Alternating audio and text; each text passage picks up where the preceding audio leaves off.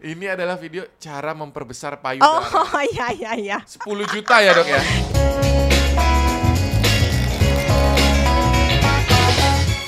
Oke guys, hari ini podcast kita spesial bersama dengan Dokter Z. Hai. Hai dok, apa kabar dokter? Baik baik Eh, puji Oke, Tuhan. aku mau nanya dulu ya, kita mau kenalan dulu. Jadi nama aslinya itu Jessica atau Jessica? Iya Jessica. Jessica. Oke, jadi oh, eh, nyebutnya pakai Y ya. Hmm. Yes. Lalu kenapa dipanggil Z?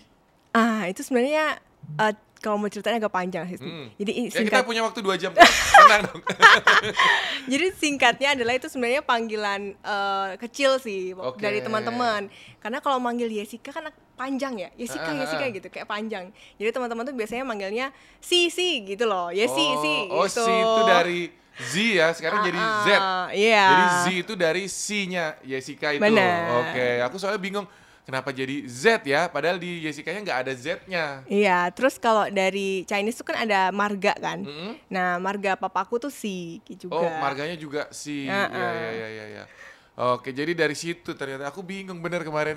Aku penasaran saya kok bisa ada Z-nya gitu. Nggak nyambung ya. Sekarang sudah terbongkar ya. Jadi itu adalah nama kecil. Ya, Iya. nama kecil. Oke. Tapi dikenal orang sebagai Dokter Z. Mm-mm. Eh, Betul. Kalau masyarakat netizen kenalnya ini nggak? Dokter Jessica tahu nggak? Eh, tahu sih harusnya ya. Karena ya? di kayak sosial media aku ada pakainya nama lengkap juga sih. Oke, tapi tak selalu semua nicknamenya Dokter Z ya. Iya, betul. Sekarang dokter ini terkenal di sosmed, TikTok, Eh, IG, Iya. YouTube. YouTube main tapi jarang sih sebenarnya. YouTube eh, upload. jarang. Mm-mm. Yang eh, rutin di mana, dok? rutinnya di TikTok sama Instagram. Eh, di TikTok dan di IG. Yang lebih dulu naik yang mana? Eh, lebih dulu naik TikTok. TikTok duluan ya. Oke, setelah itu IG-nya ikut naik. Habis itu IG, iya. Tapi Oke. aku sebenarnya awalnya itu ngembanginnya IG dulu justru. Hmm. Cuman emang eh, TikTok tuh kayak auto viral gitu ya. Dia kayak media viral aja. karena mungkin timingnya waktu corona kan Oh, waktu oke. lockdown itu aku buatnya karena Oke, emang oke, gak ada oke. kerjaan Nah, aku mau nanya kalau gitu. Karena dokter barusan bilang ketika uh, lockdown dokter lalu aktif di TikTok dan akhirnya viral segala macam. Itu direncanakan atau enggak? enggak karena sebenarnya awalnya itu aku download TikTok tuh buat have fun aja sebenarnya kan lucu-lucu kan Oke, waktu oke. Iya, itu Oke. terus uh, joget-joget dan segala macam jadi kayak buat hiburan awalnya karena Oke. waktu itu kan kita uh, dokter-dokter yang tidak bekerja di UGD juga dirumahkan kan Mm-mm. jadi nggak boleh praktek dulu sempet jadi aku nggak ada kerjaan di rumah akhirnya ya download TikTok tuh untuk hiburan terus eh, yang main untuk edukasi duluan tuh sebenarnya suami aku Oke. dokter Jo Nah, ini teman-teman ya, kalian eh, bocoran. Nanti kita akan ngobrol juga sama dokter eh, Jo ya. Mungkin kalau nggak di podcast kali ini, mungkin di episode berikutnya. Ya, tapi dokter Jo-nya juga sudah hadir di tempat aku. Jadi nanti kita akan langsung ngobrol. Iya. Nah, jadi dokter Jo duluan lebih aktif edukasi. Iya, jadi Oke. dia duluan yang edukasi di TikTok. Abis itu, karena mungkin dia lihat juga banyak eh, demand ya, maksudnya informasi-informasi yang dibutuhkan masyarakat di TikTok terkait kecantikan gitu, ya, kesehatan kulit juga gitu. Jadi dia eh, info aku, eh coba deh kamu bikin video edukasinya jangan di Instagram aja, kamu masuk TikTok. Oh gitu. sebelumnya sudah ada tapi di IG ya? Udah, aku udah main eh, edukasi di Instagram itu udah setahun lebih dulu Nah, dari TikTok. Pada waktu itu mungkin banyak nggak dokter-dokter lain yang bikin konten juga di TikTok? eh dikit. Waktu itu kayak cuman ada mungkin sekitar limaan deh. Mulainya tahun berapa dok? Em, TikTok. Ya. Pas 2020 benar-benar. Oh benar-benar baru setahunan ya? Aku buat itu Mei 2020. Mei 2000. Kalau yang IG udah lama dong. IG itu udah dari tahun 2018-19 sih. Itu berkonten ya, bukan Oh, yang nggak. have fun. Kalau IG itu awalnya eh, private, sosial Oke. media benar-benar Ah, ah, ah. private. Habis itu 2019 baru mulai ke edukasi. Berarti berkontennya 2019. Yes. Lumayan cepat ya 19, 20, 21 ya, dua setengah tahun lah. Iya, Ya, Oke. Kalau waktu itu dokter bilang eh, sedikit pelaku dokter yang bikin konten. Iya, benar. Oh, Kalau hari Sedikit. ini aku lihat banyak banget ya. iya udah banyak benar. Hari ini kayaknya banyak banget. Hampir semua dokter tuh kan mereka akhirnya eh, melirik ini. Melirik Eh, TikTok ya, sosial media, ya. Iya. Nah, pertanyaannya adalah Pertanyaannya apa? kalau dokter-dokter ini sudah berkonten ya, berarti nggak praktek dong. Praktek gimana? Nah, kalau aku emang kebetulan waktu corona itu eh, karena kan Hmm. awalnya itu aku kerja di Surabaya. Jadi waktu aku bikin TikTok itu aku masih kerja di Surabaya. Terus aku ada planning untuk merit kan tahun 2021. Jadi aku disuruh balik ke Bali sama orang tua. Udah kamu balik aja ke Bali gitu. Karena kan memang eh, calon suami waktu itu juga udah pindah ke Bali duluan Ah. gitu. Akhirnya ya udah aku pindah ke Bali ak- dan sampai sekarang memang aku belum praktek lagi. Belum praktek. Gitu. mm-mm. Nah, eh, dokter aslinya dari mana? Aku aslinya sebenarnya lahirnya Surabaya. Ah. Cuman aku besar di Bali dari eh, SD. Dari SD. Kalau suami juga. Suami orang Jakarta. Tapi di Bali tadi dokter bilang? Eh, kita ketemunya itu waktu magang eh, di rumah sakit di Hmm, Bali. hmm, Oke. Gitu. Ketemu. Itu ini kayak apa sih koas? Bukan, Bukan. internship magangnya. Oh magang, ini udah selesai ya. Iya. udah Oke, selesai, jadi udah magang, wisuda. pacaran terus sampai merit di Bali. Yes. Oke, gitu ceritanya teman-teman. Jadi Gitu suaminya ceritanya. Jakarta ya. Iya. Tapi lucunya eh Dokter Z dan suaminya ini beda spesialis ya. Iya, bis kita bisa dibilang beda ketertarikan eh, dari submedisnya ya Ah. gitu. Kalau dia kan lebih ke arah kayak ke ke- kesehatan reproduksi, terus ke Mhm. relationship gitu, terus bahas-bahas hoax-hoax yang aneh gitu di sosial media. Kalau aku memang lebih ke arah eh, hoax dan ke arah kesehatan kulit dan Nah, kecantikan gitu. tapi Dokter Z sendiri eh spesialisnya apa? Oh, aku masih dokter. Kalau misalnya di Di kedokteran? urutkan ya, kedokteran tuh aku lebih ke estetik dokternya. estetik, jadi Mm-mm. kecantikan. Iya. Kenapa nggak buka klinik aja lagi musim tuh banyak banget. Waduh. Jangan corona nih bukan klinik. Nggak apa-apa. Aku lihat semua pengusaha-pengusaha, dokter-dokter bergabung mereka punya klinik-klinik gede-gede banget loh. Tunggu ini deh, tunggu wangsit dari Tuhan dulu. Disuruh buka baru buka gitu. Sekarang Wih. belum. Iya iya, aku, waduh di semua kota mereknya macam-macam ya. Iya sih benar-benar. benar. Jual krim aja bisa wah kaya banget nanti, Dok. Oh, Saya gitu sukses ya. Oh. banget nih. Amin, aku didoain loh sama Bro Yudi sih bagus bagus. Iya, harus nanti maju terus pokoknya. Nah, jadi kalau suami eh, spesialisnya apa? Dulu kalau suami eh, suami aku itu dulu eh, kerjanya di apa sih namanya itu ICU. Jadi lebih ke arah intensive care unit.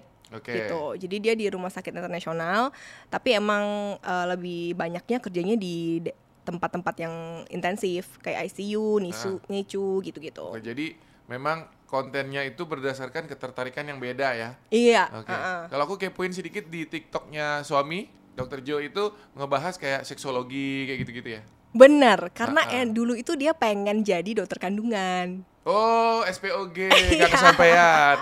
Habis itu kayaknya dia udah eh, apa namanya? Mungkin eh, karena mau jadi dokter spesialis itu mungkin hanya orang-orang yang terpilih ya dalam betul tanda kutip betul Hmm. ya. iya ya, saya paham Iya, yang bisa mendedikasikan hidupnya gitu.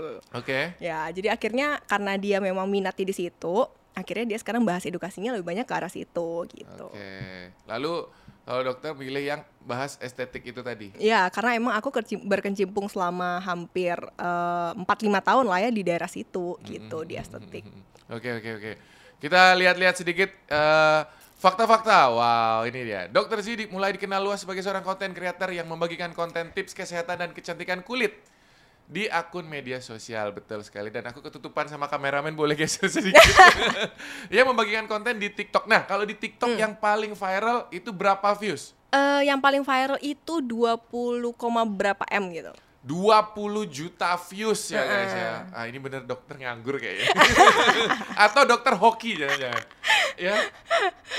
Eh, itu isinya apa itu videonya? Itu isinya eh, kadang-kadang orang itu susah ngebedain yang mana komedo, mana yang bukan. Oh, aku tahu tuh yang dicabut satu-satu tuh ya. Iya, benar. Terus namanya susah tuh rambut terjebak apa itu Iya. istilahnya, Dok? trichotasis spinosus. Iya, itu teman-teman cek aja di TikToknya dokter Z itu kayak ada orang terus, eh, kayak dokter nunjuk-nunjuk ke atas gitu ya. Iya. Ada foto atau video gitu ya. aku ngeriak sih ada video orang Ah. terus kadang-kadang orang itu suka nanya kan jadi kalau di TikTok itu kan eh, enaknya kalau orang itu ngeliat dan dia nggak tahu dia langsung mention ke kita nih Oke. jadi banyak yang mention Hmm. waktu itu banyak yang ngetek gitu akhirnya wah video apa nih semua orang ngetek gitu kan Hmm. akhirnya aku aku react ternyata itu tuh orang sering eh, salah dikirain Iya, komedo padahal iya, itu iya. tuh sebenarnya rambut halus yang Itu ada di ar- pori di area mana? Dok? wajah di sini Oh, di sini juga di Mm-mm, pipi, di pipi. di pipi Di pipi jadi kayak ada bekas rambut. bukan bekas rambut tapi emang di pori-pori kita itu kan ada Bulu ram- halus. Ah. iya Hah? benar rambutnya nah itu yang biar kalau orang nggak tahu dikirain komedo karena hitam kan kayak kasat mata Oke. tuh sekilas Terus kelihatannya itu kan hitam. eh, di video dokter kasih lihat kayak dicabut-cabut pakai pinset kan? Ya. Itu nanti bakalan tumbuh lagi nggak dok? bisa bisa tunggu lagi Oh jadi cabut lagi. iya Pori-porinya tetap berlubang besar dong. sebenarnya kalau pori-pori itu eh, kalau mau dibilang bisa dibesar kecilkan itu nggak Hmm. bisa Nggak Karena- bisa. nggak bisa karena pori-pori itu kayak udah secara genetik kita punya gitu Hmm, jadi hmm. jenis kulitnya gitu Nah, kalau jenis ya. kulitnya berminyak ya emang pori-porinya lebih Lebih besar Hmm. besar ya. Ah, Mm-mm. Oh, apalagi kayak kulitku kulitku nih. Minyak kalau diperas muka aku seret bisa masak nanti kita. dok, tapi aku kayak pipi aku kan hancur nih, Dok. Bekas waktu SMP itu jerawatan. Mm-mm. Bisa dimulusin nggak sih, Dok? ah kalau dimulusin 100% nggak bisa Waduh. tapi Kecewa kalau saya. dibuat membaik Heeh, eh, at least lah lebih bagus ya tekstur Hmm. kulitnya bisa banget bisa Mm-mm. dengan apa treatment? treatment jadi nggak bisa cuman eh, krim dioles-oles aja nggak bisa Nggak bisa ya? nggak bisa jadi memang harus di dalam tanda kutip ada suatu prosed- prosedur yang dibuat biasanya sih memang agak berdarah jadi oh, kayak disuntik. ya ada proses suntik, ada yang pakai laser, ada yang pakai eh, microneedling, mikrodermabrasi kayak gitu. Jadi Hmm. ada proses eh, treatment medisnya. Nih, Gitu. yang kayak jalan belum diaspal nih Nah. Ya. bisa- bisa mulus ya, Dok. ya? Bisa lebih lebih bagus Nah, teksturnya. Nah, itu nanti aku mau coba ah. Tapi ada juga yang bilang gini katanya, "Dok, nanti kalau kulit-kulit di sini mau diperbaiki, nanti dia diambil bahannya dari kulit bokong katanya. Bener nggak? Oh, itu la- lain cerita. Kalau itu namanya skin graft. Jadi itu lebih ke arah operasi plastik. Hmm. Operasi Nah, plastik. itu beda cerita nanti. Lain ya. Lain. Bukan Itu- treatment estetik biasa itu. ya? Bukan, itu be- dokter bedah plastik. Oke, oke, oke, oke. Nah, kalau misalkan kayak dokter sendiri selain edukasi apa memang ini juga menangani pasien wajah gitu? Iya, jadi aku sebelum aku resign, sebelum aku pindah eh, balik Bali lagi, itu aku empat tahun sih, ya hampir lima lah ya Hmm. di klinik estetik. Memang makanan sehari harinya itu tuh. Hmm, kasihan Jadi ya. jerawat, terus botox, filler, Ah. benang, terus suntik-suntik, terus masalah tekstur, bopeng, Hmm. ya itu banyak Tapi pasiennya. itu semua nggak ada yang berbahaya. Yang tadi dokter sebut ada ya. Oh. Mm-mm. apa namanya botox, Mm-mm. tanam benang, itu nggak ada yang bahaya. Kalau dibilang bahaya, setiap prosedur medis pasti ada Risiko. resiko. Kayak kita operasi sesar aja ada resiko meninggal kan Oke. ibunya gitu. Jadi setiap tindakan medis pasti ada resikonya. Cuman Mm-mm. kalau misalnya ditangani dengan benar, prosedurnya benar, eh, cara mengerjakannya juga bagus, resikonya minim gitu. Oke, jadi kalau yang tadi dokter bilang eh, botox, tanam Mm-mm. benang dan teman-temannya itu Mm-mm. eh, nggak termasuk operasi plastik ya, bukan ya? Bukan, bukan. Operasi plastik eh, biasanya harus dikerjakan oleh dokter bedah plastik, terus di ruangan operasi, Mm. dan biasanya sih bius total. Oke, jadi, Jadi- kalau ya, tidur pasiennya. oke, jadi dia nggak sadar ya, di Mm-mm. anestesi ya. Nah, kalau misalkan kayak sekarang kan lagi trennya Korea-Korea tuh dok, Heeh. itu banyak banget di Korea. Katanya bahkan kalau kita ke Korea itu begitu keluar bandara udah na- pada nawarin tuh, udah banyak promo-promonya. Ah. Oke. Nah, Mhm. itu operasi semua berarti ya? Kayak menghilangkan kantung mata, merubah bentuk hidung, bentuk Mm-hmm. dagu bisa jadi segitiga itu. Itu operasi atau treatment, Dok? Dok. Bisa keduanya. Karena kalau bentuk wajah kayak contoh bentuk dagu tadi itu nggak harus operasi. Jadi pakai filler aja itu bisa dibuat runcing kayak tadi segitiga itu. Jadi nggak mesti operasi, tapi kalau di Korea itu emang kebanyakan sudah melalui operasi plastik karena kan udah teknologi udah canggih juga mereka ya. Dan mereka itu sedikit ada masalah dikit mereka langsung ke klinik. Jadi kayak treatment sehari-hari laser, mikrodermabrasi bla bla bla itu udah kayak treatment yang sehari-hari gitu bagi bener, mereka. Mm-hmm. bener. Malah bener gak sih, Dok? Katanya kalau di Korea itu anak umur 17 tahun tuh hadiahnya dari ibunya boleh operasi gitu. Operasi lipatan mata ya. Iya, iya. Ya itu udah kayak eh, ini sih isu yang umum kita dengar sih. Tapi belum Iya, Karena- tentu ya. belum nggak semuanya melakukan tapi kebanyakan memang mereka eh, bikin gitu karena kan eh, aslinya mukanya Korea itu memang nggak ada eyelid sama rahangnya mereka memang eh, bentuknya lebih kotak kan Ah, ah. gitu ya jadi, op- eh, operasi banyak ya. Mm-mm. Oke, jadi bener tuh ya. Ini dokter ini ahli membongkar hoax seputar kecantikan ya, Dok ya. ngikutin hoaxnya isu-isunya Coba kalau dokter sendiri apa treatment yang sudah sering dilakukan? aku coba Iya, kalau sering sih nggak ada yang sering yang sih sudah pernah deh. Kalau sudah pernah, aku udah pernah coba eh, botox pernah aku coba, filler pernah aku coba. Tapi cuman kalau filler cuma sekali doang, aku cuma mau nyoba doang. Terus eh, benang nggak pernah sih, benang. Eh, Haifu aku pernah, laser pernah, peeling pernah.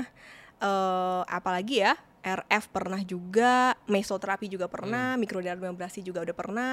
Hampir semua kecuali benang. Itu kayaknya ngambil ini ya di klinik sendiri ya. Jadi diskon kayaknya. Semua dicoba ini. Karena dulu tuh aku trainer kan, jadi aku Ah. ngajarin dokter-dokter yang lain. Jadi kalau ada dokter baru, biasanya aku yang ngajar. Oke. Atau kalau di klinik aku dulu dulu kan memang klinik yang bisa dibilang terbesar di Indonesia ya. Mm-mm. Jadi dia punya Apa tuh akademi huruf sendiri. depannya apa? Huruf depannya M. M, oke guys, Oke. yang M. Soalnya banyak ya. Iya. Ya, ya. Nah, eh, dia tuh punya akademi gitu. Jadi akademi ini memang mengajarkan dokter-dokter yang mau belajar estetik. Jadi belajar benang, belajar botox, filler kayak gitu-gitu. Nah, aku pengajar di situ gitu. Jadi kalau misalnya ada eh, apa namanya? praktek gitu, biasanya aku yang ngajar. Kalau misalnya ada sesuatu yang lebih, tuh biasanya kita juga trial-trial sendiri Hmm. tuh gitu. Harus tahu lah, at least pernah tahu gitu ya. Mm-mm. Nah dok, kalau dari semua yang tadi dokter sebutin kan lumayan banyak tuh.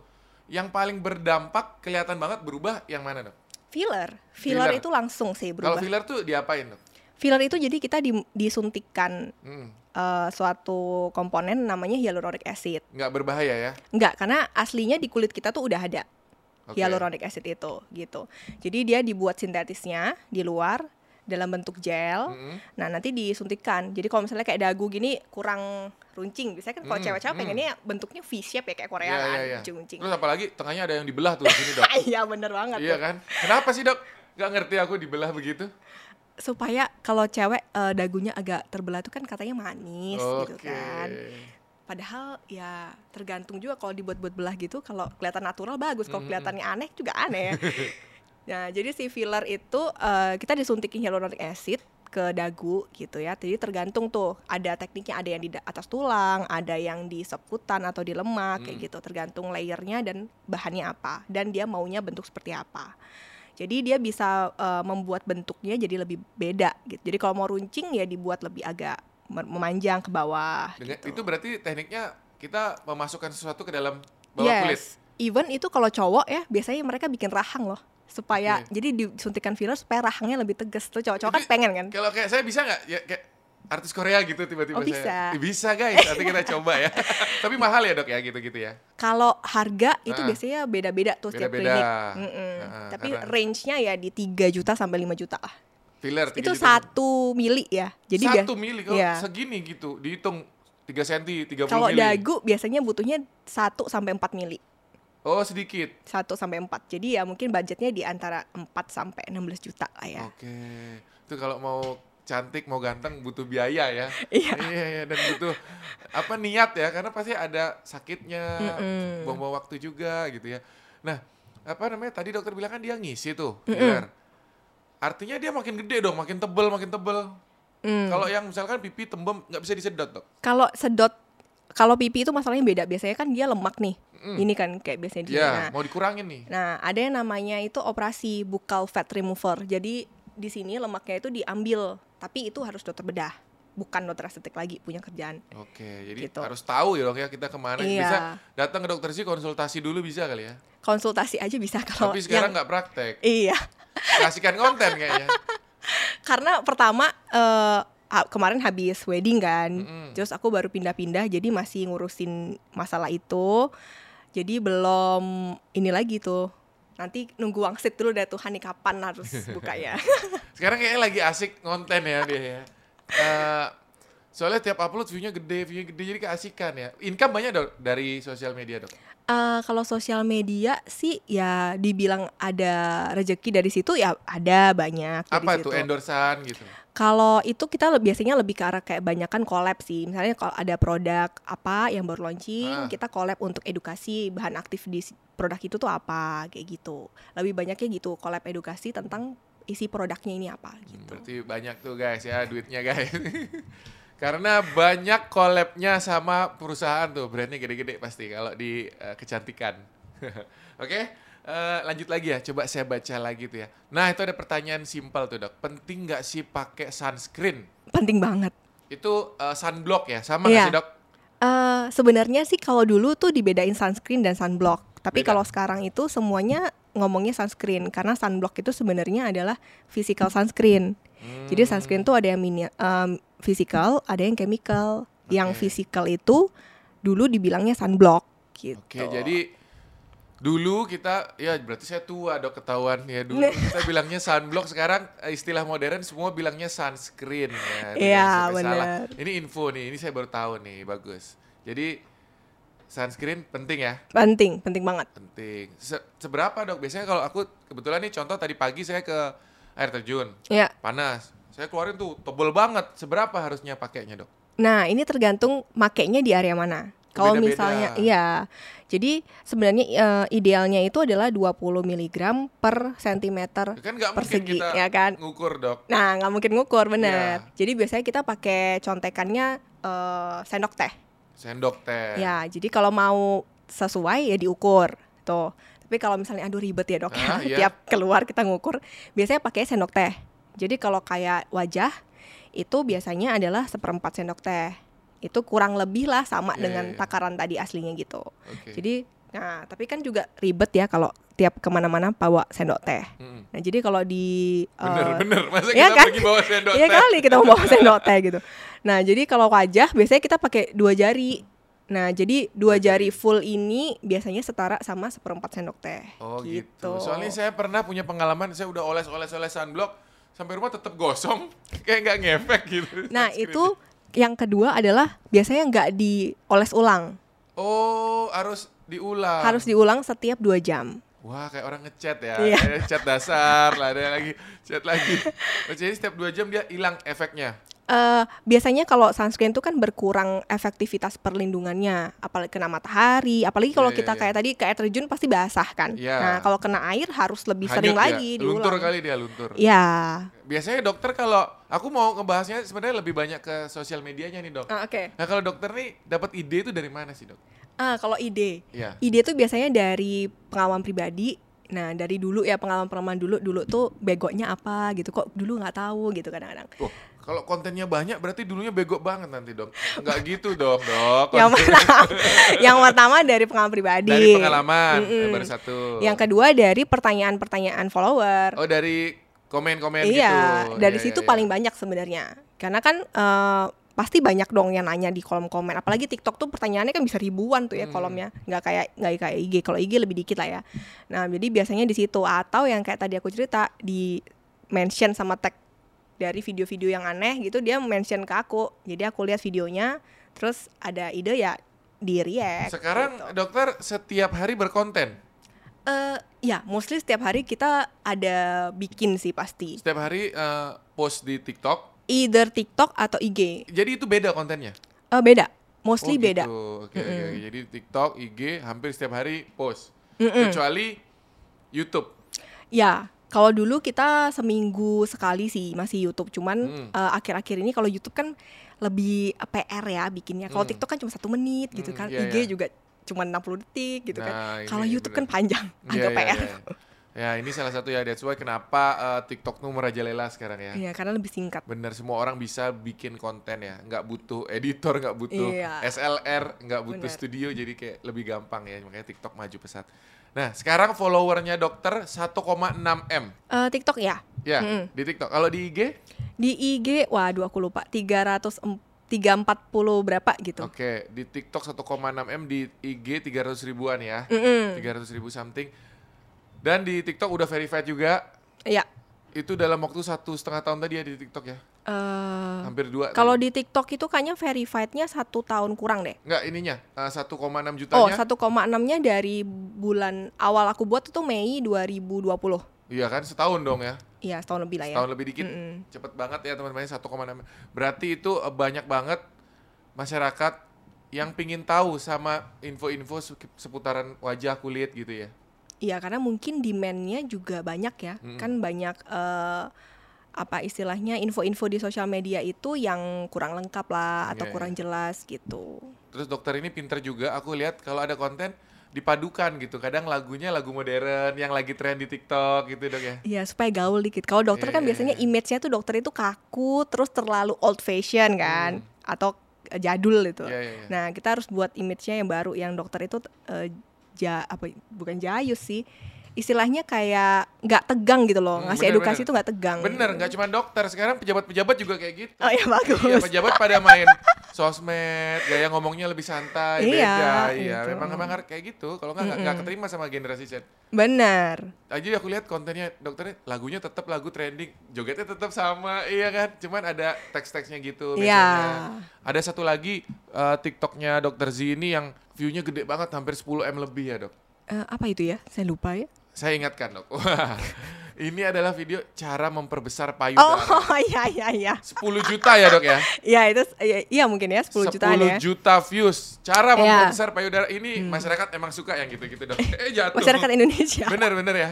Iya iya iya. Iya sebenarnya itu juga aku buatnya itu supaya eh, untuk counter hoax juga sih karena Bener. banyak yang bikin kan kayak eh, Pak, minum ini minum itu gitu sebenarnya nggak bisa gitu jadi takutnya itu kayak kasihan masyarakatnya loh ba- udah banyak keluar duit beli ini beli ini beli ini tapi nggak ada hasil gitu Tapi kenapa masih banyak banget di IG di komen-komen tuh yang jualan gitu dok? ya kalau penjual itu kan pasti ada selama ada konsumen gitu kan Berarti Nah. masih banyak banget yang belum tahu ya dok? Iya, that's why kita di situ untuk ngasih informasi yang benar terhadap konsumen-konsumen ini gitu sebenarnya. Hmm, 10 juta loh ya.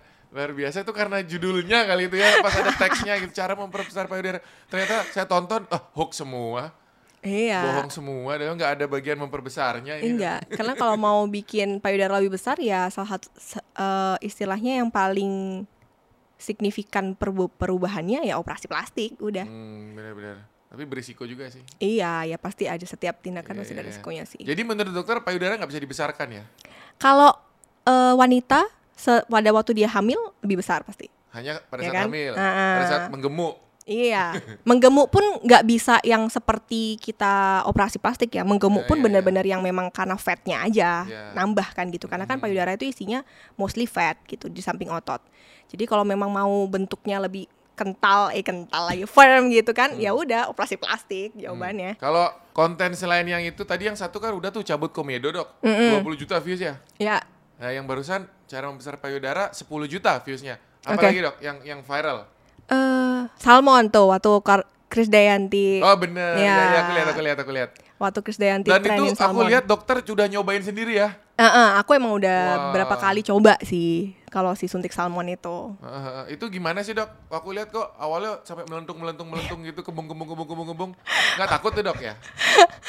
eh sebenarnya sebelum Chris Dayanti eh apa namanya kasih testimonial di sosmed itu Mm. suntik salmon ini udah ada duluan di Indonesia udah ada dari tahun 2018 19 19 itu mulai boomnya jadi aku udah nyoba itu dari tahun sebenarnya sebelum Chris Dayanti kasih info Oh, di sosmed Oh, Sebelum Krisdayanti dokter udah coba duluan. aku udah coba Oke, terus? terus ternyata ya memang ada benefit atau hasil yang aku lihat Itu ya fu- bene- apa fungsinya untuk apa itu? Dok?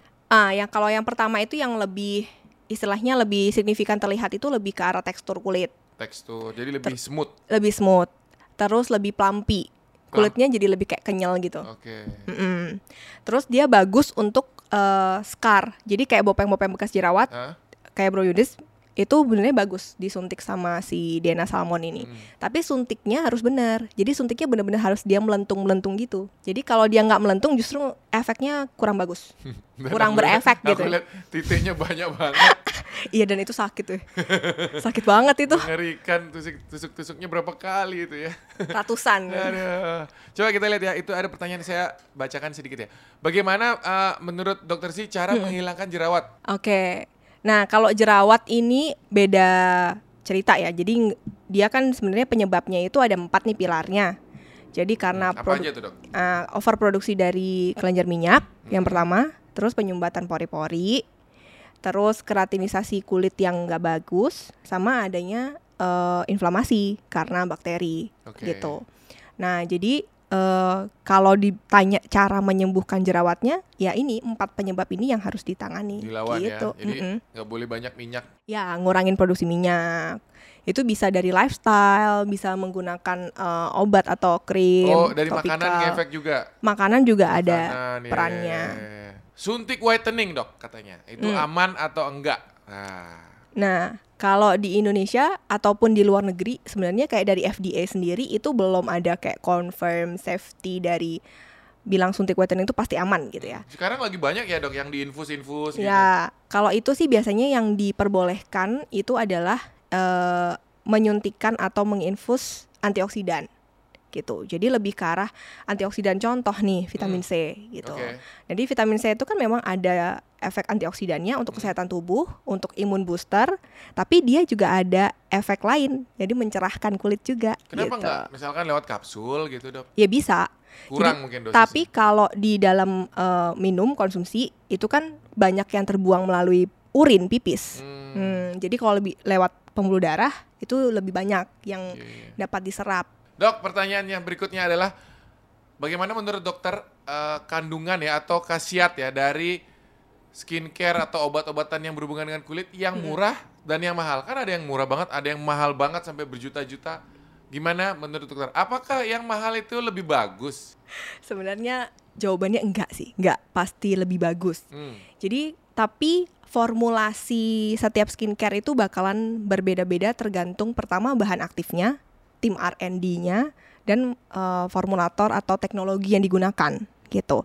Kenapa skincare itu bisa ada yang mahal banget? Nah, itu jawabannya d- bahan aktifnya bisa beda. Misalnya sama-sama vitamin C, Mm-mm. ada vitamin C yang mahal banget hmm, Ya. ada vitamin C ya ya udah yang harganya standar Mm-mm. gitu dan kualitas eh, kualitasnya gitu kan terus formulatornya atau teknologinya ada yang pakai kayak contoh sekarang banyak banget yang pakai microdose atau encapsulated gitu kan itu kan teknologi-teknologi yang eh, baru dikembangkan jadi pasti harganya juga Lebih mahal. lebih mahal gitu Ah. Berarti ada impactnya dong kalau yang lebih mahal tuh artinya kualitasnya harusnya lebih baik.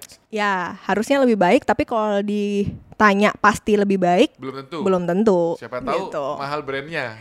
Jadi ada juga efek dari merek kan. Ya Benar, dari brand juga brandnya. berpengaruh. Iya, Betul. Iya, iya, itu dia ya. Jadi belum tentu ya. Apalagi cocok-cocokan ya kadang ya dok ya. Ya, kalau dibilang eh, cocok-cocokan tuh lebih ke arah toleransi kulit kita Iya, beda-beda iya, tuh. iya. Mm-mm.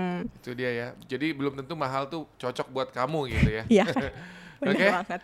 Ah, ah, terakhir ya dok ya tips, Oke. trik dari dokter nih membuat kulit glowing. Tuh, Oh. Silakan.